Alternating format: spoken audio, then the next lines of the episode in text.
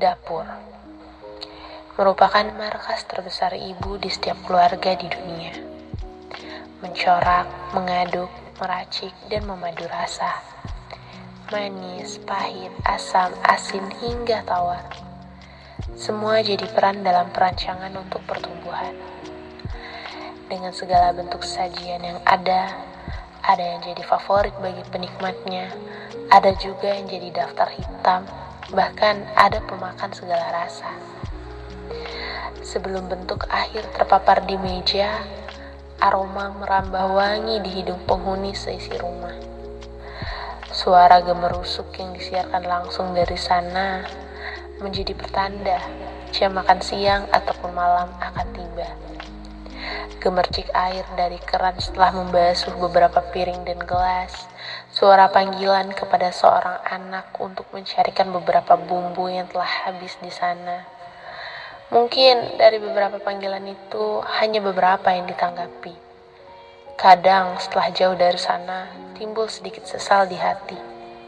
Bertanya, kenapa tak gegas bergerak? Lambat laun, hasil dari sinilah yang punya peran dalam pertumbuhan.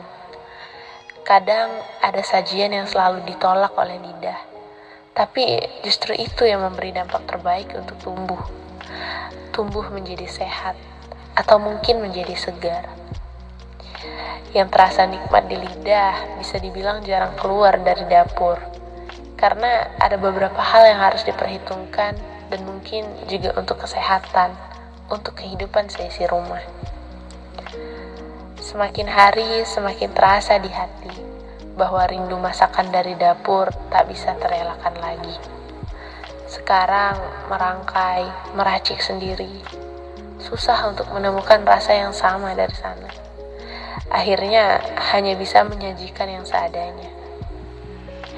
Kreativitas seorang wanita yang berperan sebagai penanggung jawab apa yang akan mengisi perut penghuni rumah. Sebuah penghargaan masihlah kurang untuk wanita sehebat mereka.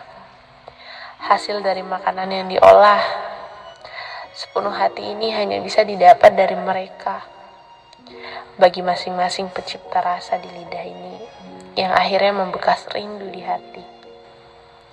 Segala terima kasih akan selalu kami kibarkan di atas langit rumah.